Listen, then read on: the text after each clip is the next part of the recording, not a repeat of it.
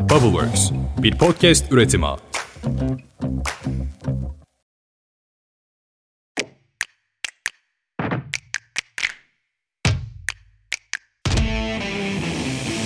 Herkese selamlar. Bir podcast üretimi olan Bubbleworks Media ve gençlerin kariyer platformu olan Utol ile birlikte işte bugün podcast kanalı içerisinde hayata geçirdiğimiz özel serimiz olan Birbirimizi Anlayabiliriz'e hoş geldin. Kanalın tanıtım bölümünü dinlediysen zaten hakimsindir ama minik bir özet vermek gerekirse bu kanalda ülkemizin büyük ölçekli kurumlarından çok değerli insan kaynakları profesyonellerini ağırlıyoruz ve kurum kültürünü, yeni nesil genç yeteneklerle olan karşılıklı beklentileri ve çok daha fazlasını daha iyi bir şekilde anlamak için sohbet ediyoruz. Bu bölümde de çok değerli bir konuğumuz var. Alternatif Bank İnsan Kaynaklarından sorumlu Genel Müdür Yardımcısı sevgili Hale Ökmen Ataklı ile beraberiz. Hoş geldiniz. Nasılsınız? Merhaba Atakan, hoş bulduk. Çok iyiyim. Çok da keyifliyim burada olduğum için. çok sağ olun. Ne demek? Valla biz de çok mutluyuz. Bu kanalın hani öncesinde de bir sohbet etme imkanımız oldu ama özellikle yeni nesil genç yetenekler için, kurumlar için, bu alanın etrafındaki tüm paydaşlar için çok değerli olduğuna inanıyoruz. Çünkü serinin adını da verdiğimiz gibi birbirimizi anlamaya gerçekten ihtiyacımız var. O yüzden katılımınız için bizler çok teşekkür ederiz. Sağ olun, var olun. Ben de çok teşekkür ederim. Gerçekten bizim için de çok önemli. Yani hem yeni nesil sizlerle, genç arkadaşlarımızla birlikte olmak hem de biraz masanın diğer tarafını onlara böyle daha birinci ağızdan anlatmak da hem keyifli hem de faydalı olacağını düşünüyoruz biz Kesinlikle katılıyorum. O zaman dilerseniz bir hızlıca sizi tanıyarak başlayalım. Böyle sosyal hayatla, kariyerle birlikte harmanlayarak alırsak da süper olur. Oo yani o zaman bayağı bir O zaman ilk yarım saati ayırdık buraya. Şöyle. Aynen öyle. tamam.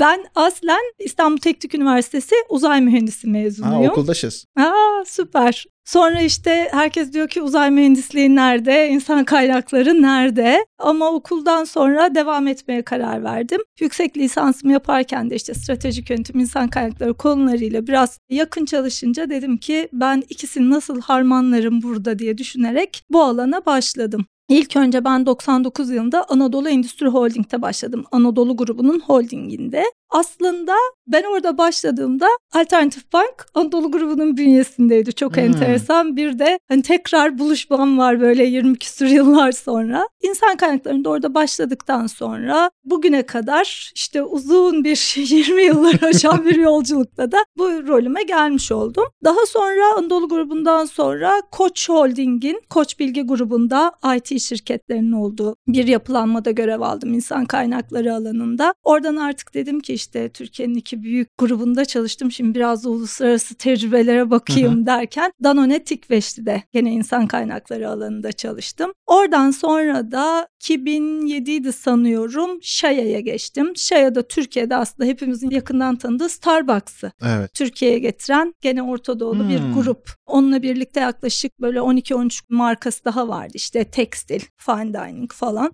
Orada çalıştım 2011'e kadar. 2011'de de finans sektörüyle HSBC ile tanıştım. Bu süreçlerde hep İK tarafında Hep mı? İK'ydım. Yani İK'nın işte çeşitli alanlarından başladım. İK'nın en tepesine kadar geldiğim bir yolculuk oldu. Sonra 2017'de işte HSBC'de çok yoğun bir çalışmanın ardından artık kendi hayatımla ilgili biraz da özel hayatımla ilgili bir karar alarak işte çocukla birlikte kurumsal hayata kısa bir mola verme ihtiyacı duydum. 2017'de kurumsal hayatı bir durdurdum. Bir kızım oldu. Şu anda yaklaşık 6 yaşında adı Maya. O ne güzel. Maya'ya selamlar. Teşekkürler.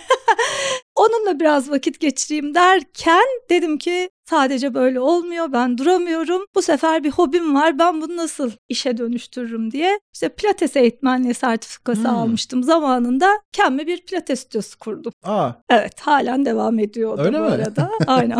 Orada pilates eğitmenliği yapmaya başladım. İşte bir taraftan ticaretle uğraşmanın ne demek olduğunu anladım. Onu tecrübe ettim. Derken pandemi geldi. En çok etkilenen sektörlerden birisi oldu spor. Biraz yavaşladı benim de hayat düzenim. Ama ondan sonra ben zaten kurumsala tekrar döner miyim diye düşünürken 2021 yılında da alternatif bankla yollarım tekrar kesişti ve insan kaynaklarından sorumlu genel müdür yardımcısı olarak buraya döndüm. Dediğim gibi spor çok seviyorum. Onunla hala işte fırsat buldukça ilgilenmeye çalışıyorum. Onun yanında ciddi bir heavy metal müzik dinleyicisiyim. Eşim müzik yapımcısı. Aa öyle mi? Evet onun işi sebebiyle de yani Türkiye'de belki gittiğiniz çoğu metal konseri de biz yapmışızdır. Ben de orada güzel yer. İşten çıkıyorum, oraya gidiyorum, orada çalışıyorum. Gruplarla falan ilgileniyorum. Onun dışında korkunç bir çizgi roman takipçisi olduğumu düşünüyorum. Bayağı bir evde koleksiyonum var. Onlarla ilgileniyorum. Çizgi roman deyince benim aklıma direkt böyle Marvel falan gibi geliyor ama onun çok daha ötesinde bir dünya var. Evet. Siz orada nerelerde şey yapıyorsunuz? Ben biraz daha hani böyle gençliğimden hani tırnak içinde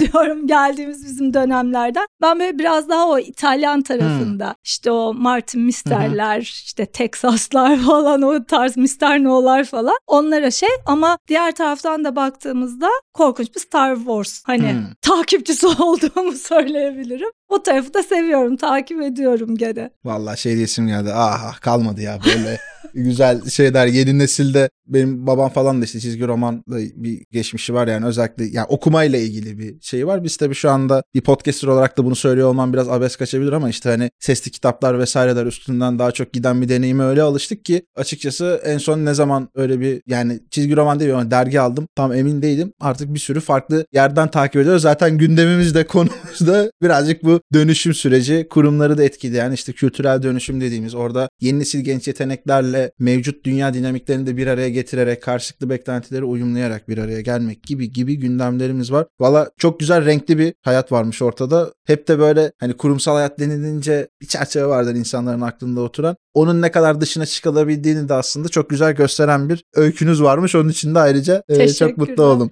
Ben şimdi aslında şeyle bir devam edelim istiyorum. İşte malum kanalın ismi İşte Hı hı. Bir Gün. Kurumlarda çalışan çeşitli kademelerdeki insanların işte bir günleri nasıl geçiyor? Neler yapıyorsunuz? Departmanınızda neler yapıyorsunuz? Buradaki görevler neler? Sorumluluklar neler? Bir bunları konuşarak başlayalım istiyorum ki belki dinleyicilerimiz arasında sizin de kapınızı çalmak isteyen arkadaşlarımız kendileri neler beklediğini daha iyi akıllarında canlandırabilsin. Kesinlikle kapımız herkese açık. Yani hani hem bu alanda hem bu sektörde çalışmak isteyen herkese ya da bir, Birden şeyler öğrenmek isteyen herkese. böyle grupları çalıyormuş kapınızı.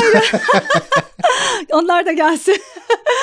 Şimdi şöyle biz hani alternatif bank dünyasından biraz bir günümle ilgili ben size biraz bilgi vermek istiyorum. İnsan kaynakları olunca konu herkes tabii ki benim gündemimi oluşturuyor Tabii. baktığınızda. Ama bizim bankamızda özellikle bizim Alterflex dediğimiz uzaktan çalışma bir hibrit çalışma modelimiz var. Dolayısıyla benim günüm biraz ofisteyken farklı, işte uzaktan çalıştığım zamanlarda farklı geçebiliyor. Özellikle hani evdeyken çalışıyorsam böyle kalkmadan sürekli toplantılar, günlük görüşmelerle geçiyor. Bazen işte kızım da evde olduğu zaman onunla öyle molalarını falan yaptığımız daha güzel böyle onunla da vakit geçirebildiğim bir an oluyor. Ama onun dışında genelde sabah ilk geldiğimde işte ben bugün ajandamda ne var? Ne yapacağım? Öncelikler ne? Onlara bakıyorum. Ondan sonra klasik işte görüşmeler olabiliyor, bazı mülakatlar olabiliyor ya da çok fazla toplantımız oluyor. Onlarla ilgileniyorum. Hani insan kaynaklarının çok fazla alanı var. Yani bunları ben size kitap gibi anlatırsam çok çok uzun sürer. Bunu her yerde bulabilirler. Biz de başka yerlerde anlatabiliriz ama bizim odamız insan. Şimdi böyle olunca bu işin biraz da saati de günü de yok. Mesela en yakın zamanda deneyimlediğimiz bir deprem felaketi var. İşte sabah saat dört buçukta deprem oldu. Ben saat beşte telefondaydım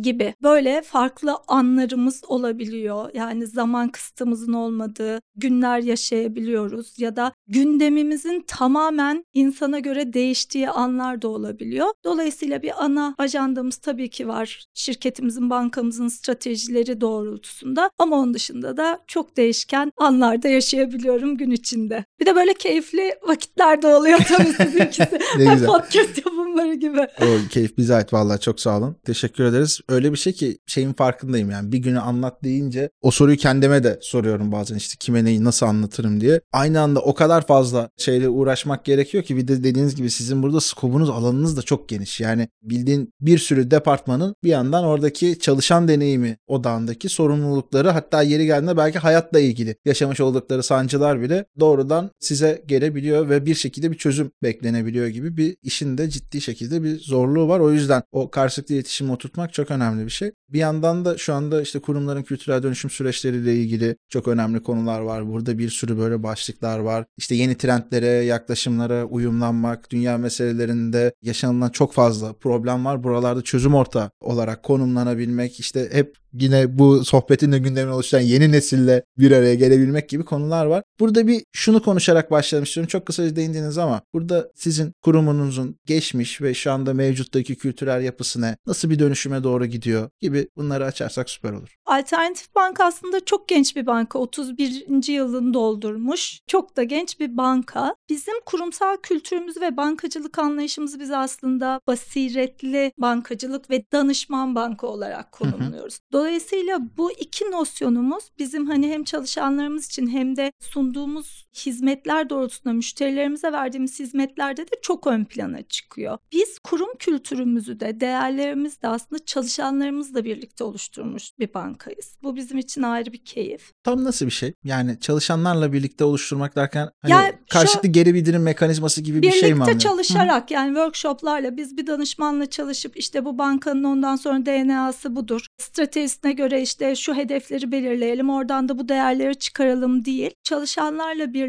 uzun workshoplar yaptığımız, onları dinlediğimiz ve onlara siz bu bankada neyi önemsiyorsunuz? Size en iyi ne tarif eder? Bankaya en iyi ne tarif eder diye sorarak oluşturduğumuz çok detaylı bir çalışma var. Buradan da aslında bizim 5 tane değerimiz çıkıyor. Bunlar işte mesela baktığımızda içtenlikle yaklaşırız. Hı hı. İlkleri gerçekleştiririz, yorulmadan çalışırız, müşterilerimizi sahipleniriz ve çözüme ulaşırız. Tamamen altında bütün çalışanların imzası olan değerler setimiz bu. Biz buna göre de kurum kültürümüzü oluşturuyoruz ve işlerimizi yapıyoruz. Bu bizim için çok önemli. Dolayısıyla insan kaynakları olarak da biz işveren markamızı içeride ve dışarıda nasıl anlatacağımızda gene bu değer setimiz üzerine kurguladık. Bunu en son 2022'de bir kere daha üzerinden geçtik. Yeni işveren markamız nasıl olmalı? Biz öncelikle kendimizi gençlere nasıl anlatırız diye bunun üzerinde bayağı bir çalıştık. İlklere imza atıyoruz kendi içimizde de.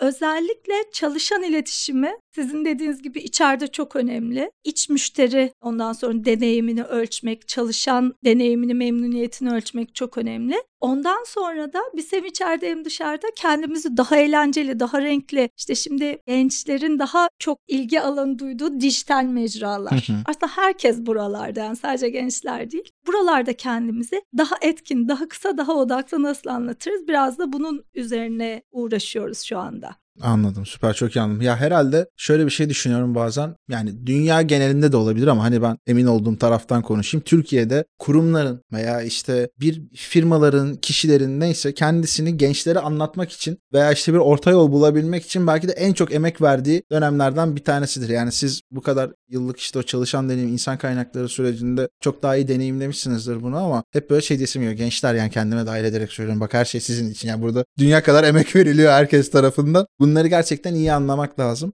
Burada bir önemli şey de şu hani o kurumların kültürel yapısı o dönüşümlerden falan da bahsetmiştik. Özellikle aranılan özelliklere bakıyoruz. İşte biz de inovasyon tarafında da pek çok kurumla da onların stajyerleriyle uzun dönem stajyerleri olabilir kısa fark etmez. Yan yana geliyoruz ve şeyi görüyoruz. İnovasyon, işte toplumsal cinsiyet eşitliği, sürdürülebilirlik, sosyal etki bu kavramların hepsi çok önemli ve bunlarla ilgili bir şeyler arıyor. Yani topluma nerede nasıl bir fayda sağlıyorsunuz ve bir şekilde dünyanın gidişatı malum. İşte ülkemizde de şu anda su krizi gibi konular ciddi şekilde kapımızı çalıyordu. Geçen gördüm iki yağmur yağdı diye sevinmeyin hemen bakın. Çok ciddi şöyle sorunlar var diye bir paylaşım da vardı. Bunlarla ilgili neler yapıyorsunuz? Nasıl gündeminize alıyorsunuz? Ne gibi çıktı hedefleri var buralarda onları da merak ediyorum. Şimdi bu konuya aslında girerken şunu da belirtmek istiyorum ki bu dönüşüm, işte yenilik, inovasyon vesaire aslında bizim konuşmalarımızda daha doğrusu benim birkaç konuşmamda işte LinkedIn'de paylaştığım bazı postlarda da ben geçişkenliğin de burada çok önemli olduğunu Kesinlikle. düşünüyorum. Yani biz artık mevcut halimizden çıkıyoruz. Durumlar arasında, sistemler arasında çok fazla esnek olup geçiş yapabilen insanlar olmamız gerekiyor. Bir takım şeyleri yakalamak için de, onları hayatımıza alabilmek için de.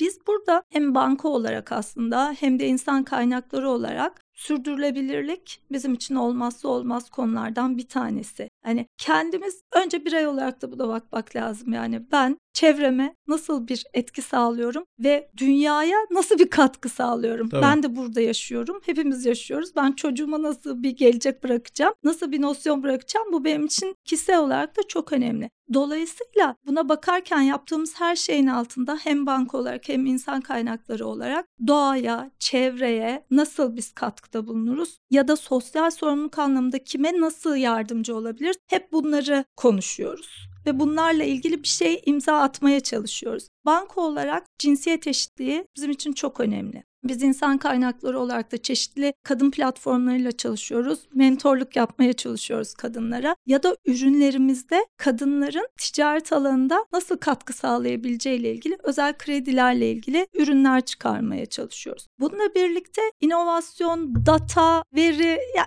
inanılmaz bir öncelik hepimiz için. Bunu nasıl doğru şekilde kullanabiliriz? Hangisi benim için doğru data ve ben bunu kendim için nasıl faydalı bir şekilde kullanabilirim? İnsan kaynakları için çok da önemli bir hale geliyor. Kişiyle bunu birbirine örtüştürmek anlamında. Biraz hani böyle somut örnekler vermek gerekirse aslında şimdi hepimiz diyoruz ki uzaktan çalışmayı herkes bir yan fayda gibi gösteriyor ama bunun bence dünyadaki karbon ayak izine çok fazla faydası var. Biz bunu yaparken bunu da düşündük. İşte benim genel müdürlükte %52 oranında bir çalışanım evden çalışıyor. Bu kişiler trafiğe çıkmıyor. Hı. En basiti mesela baktığınızda. İşte benim elektrik tüketimimi azaltıyor. Ofise gelmedikleri için belki hani kağıt tüketimi gibi bu tarz şeyler bunlar azalıyor. Bizim binamız zaten bu anlamda bankamızın binası tamamen ilgili sertifikalara sahip. Buna yatırım yaptığımız bir bina. Keza baktığımızda bunun dışında hani teknolojiyi hayatımıza çok fazla almaya çalışıyoruz. Bankamızın en önem verdiği projelerden bir tanesi bu sene önceliklendirdiğimiz Go Digital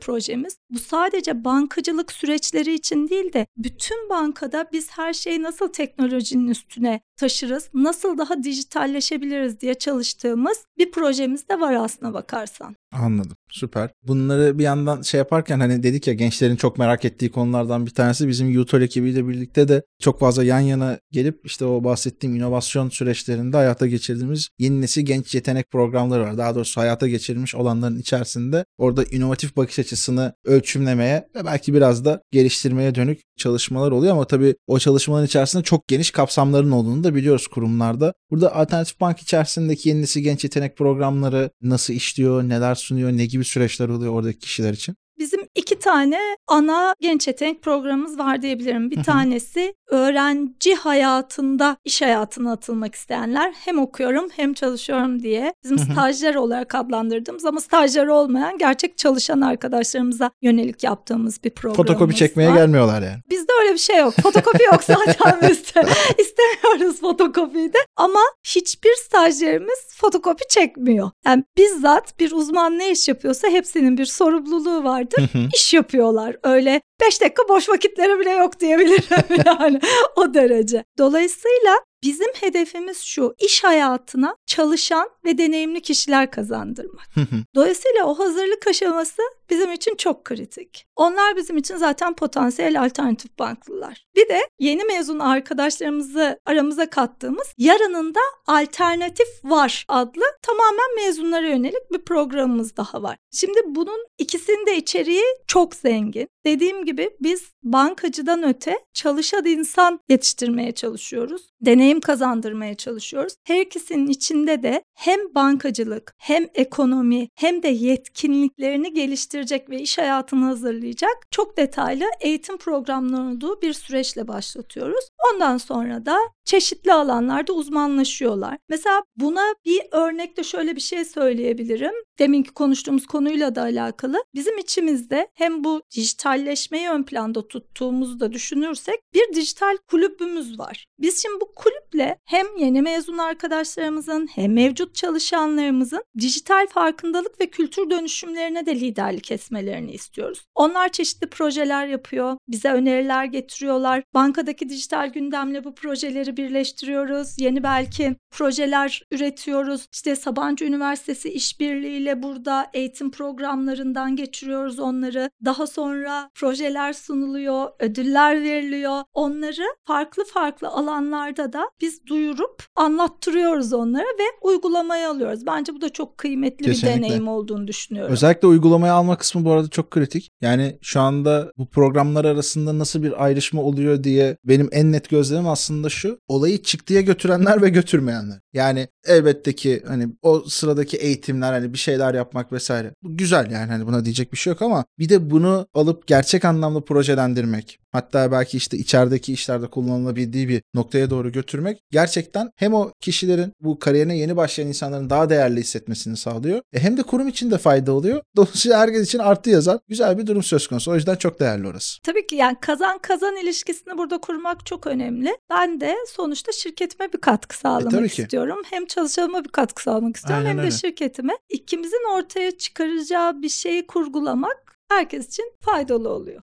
Yürüttüğümüz genç yetenek programını biraz daha detaylandırmak isterim aslında. Kurumsal hayata ilk adımını atan, iş hayatını ilk deneyimlediğiniz bir staj dönemi var bizde. Bu bizim çok önem verdiğimiz bir program. Genç yetenek olarak adlandırıyoruz biz bütün stajyerlerimizi. Onlar bizim için öyle bildiğimiz klasik stajyer değiller. Birlikte geçirdiğimiz süre boyunca onlara ilham vererek iş hayatını anlatmaya çalışıyoruz. Deneyimlemelerini sağlıyoruz ve geliştirmek en büyük odağımız. Üniversite 3. ya da 4. sınıfta ya da yüksek lisans öğrencilerini minimum 3 ay süreyle bankamızda bu programa dahil ediyoruz. Okullarından mezun olduklarında da bu stajyerlerimiz bizim için alternatif banklılar olarak tabii ki iş hayatında da daha öncelikli bir hale geliyorlar. Mesela bu yıl şubelerimizde görev yapan 5 stajyerimiz aslında şubede portföy yetkilisi olarak başladılar kariyerlerine de. Aynı şekilde genel müdürlükte de bu şekilde çalışan 4 tane stajyerimiz mevcut.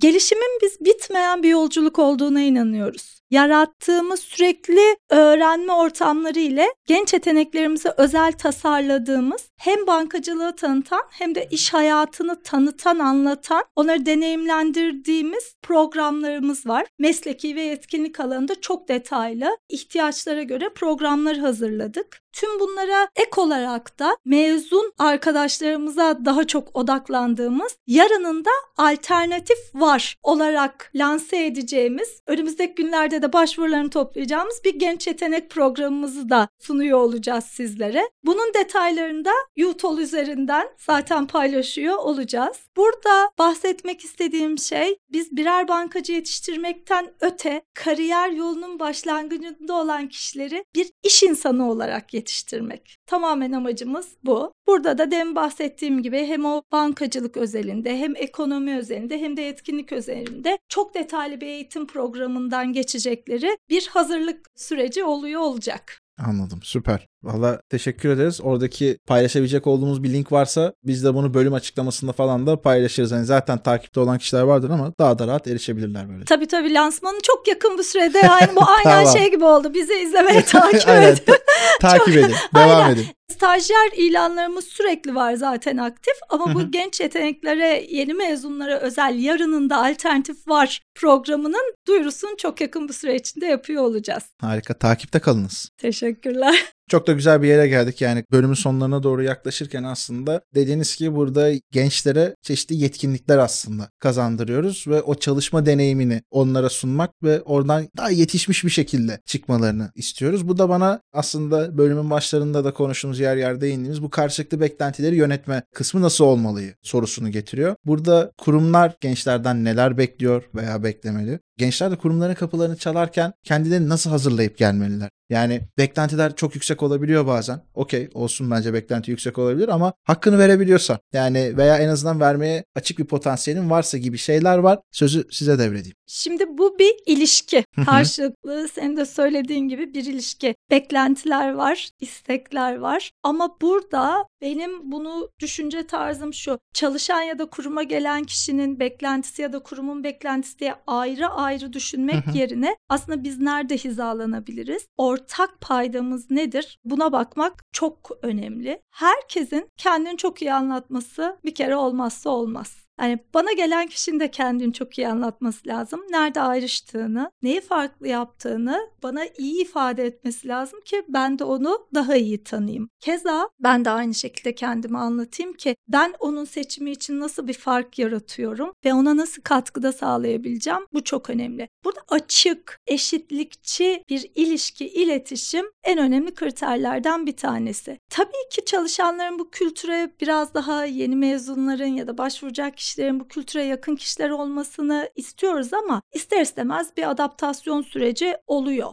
Orada ben şuyum buyum işte demin değerlerimi saydım. Bunların böyle çok motomot söylemek yerine bunları biz deneyimlerle anlatmayı tercih ediyoruz. O ruhu kavramaya, kavratmaya yönelik biraz daha biz bu kendi duyurularımızı, iletişimimizi bir boyutta yapmaya çalışıyoruz. Bunlar bir günde olacak şeyler değil ama. Evet tabii ki. Yani yaşam böyle bir şey işte. Yaşam döngüsü de böyle bir şey. Deneyim böyle bir şey. Bir yolculuk olarak bakıyoruz. Bunlar niye önemli? Bizi değiştiren, geliştiren aslında çağın çağdaşı dediğimiz işte o değişime ayak uyduran, o geçişkenliği sağlayabilen şeyler oluyor bizim açımızdan da. Birlikte yapmak, açık olmak, Ondan sonra yeni jenerasyona katacağı yeni bilgileri, donanımları, bakış açılarını açıkça anlatmak bence bütün kurumların yapması gereken şeylerden bir tanesi şu anda. Anladım. Süper. Valla çok teşekkür ederim. Yani şu ana kadar bence konuştuğumuz şeylerin içerisinde ben dahil pek çok dinleyicimiz için çok da önemli mesajlar var. Bir de bence işin değerli olan noktalarından bir tanesi şu. Ben hep şuna inanıyorum. Buradaki sohbetin keyfi o kadar önemli bir şey ki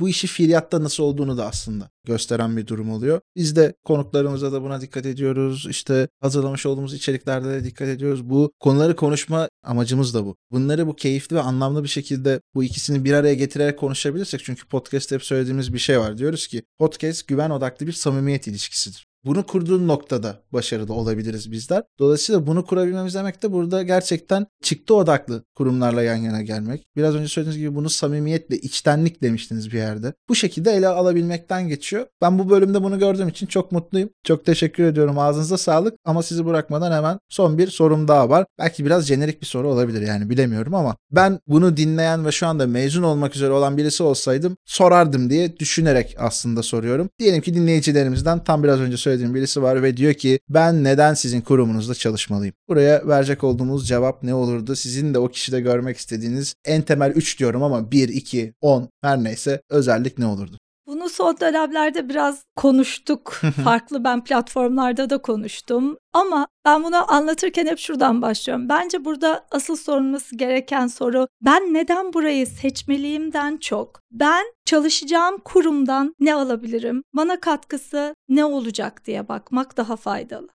Çünkü seçim kriterleri herkes için farklı olabilir. Amaç eğer kendimi geliştirmek ve bir iş hayatına atılıp burada büyümek, bir deneyim kazanmaksa ben kendi büyümemi nasıl tamamlarım? Burası bana nasıl katkıda bulunabilir diye sormak bence kurumsal hayatta en önemli şeylerden birisi. Dolayısıyla burada ben şunu anlamalarını tercih ederim. Siz nasıl bir kurumsunuz? Nelere önem veriyorsunuz? Ajandanızda neler var? Bu sorular sizin değerleriniz, hedeflerinizle ne kadar uyuşuyor? Buna bakmak çok önemli. Bunu artılarıyla eksileriyle değerlendirmek, işte değiştirmek istediğiniz neler olabilir? Ben bu değişime ne kadar burada katkıda bulunabilirim? Bu kurum buna ne kadar açık? Bu gibi sorular bence çok daha önemli. Demin de dedik ya size dediğiniz işte samimiyet, iki taraflı iletişim, bu örtüşme biz birbirimize ne kadar uyuşuyoruz? Ben hani o illa bir iki üç bir şey söyleyeceksem yani... de aynen. Onunla ilgili şunları söylemek isterim. Demin çokça belki bahsettiğim bu geçişkenlik ve sürekli gelişim bence olmazsa olmaz özelliklerden birisi olabilir. Merak. Asla sormaktan, kurcalamaktan,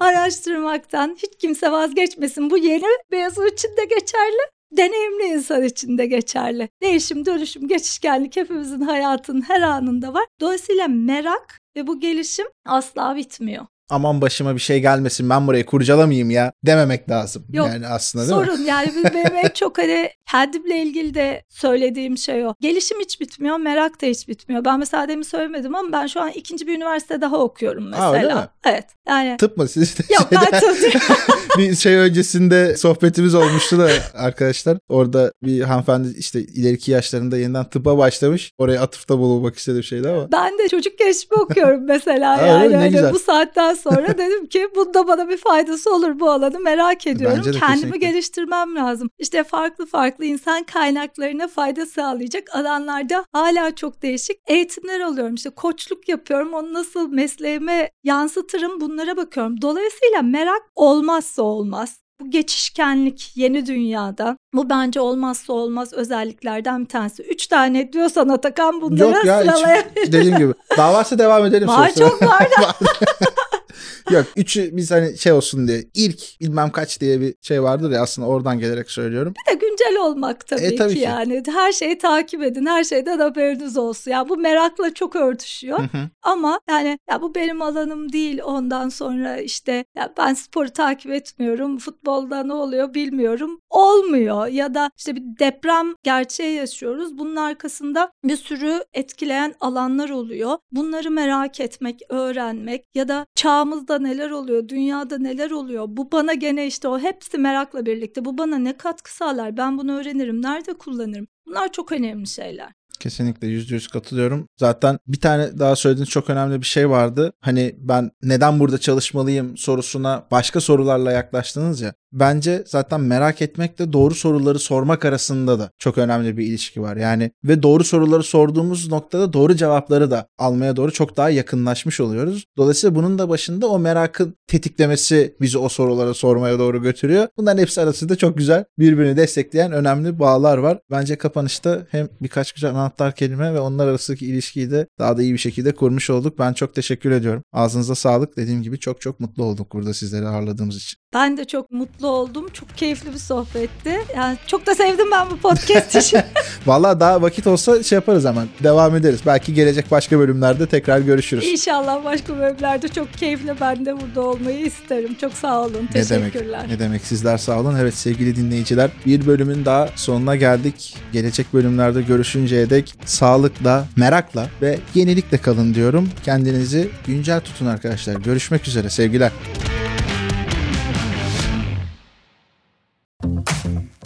Bubbleworks, bir podcast üretimi.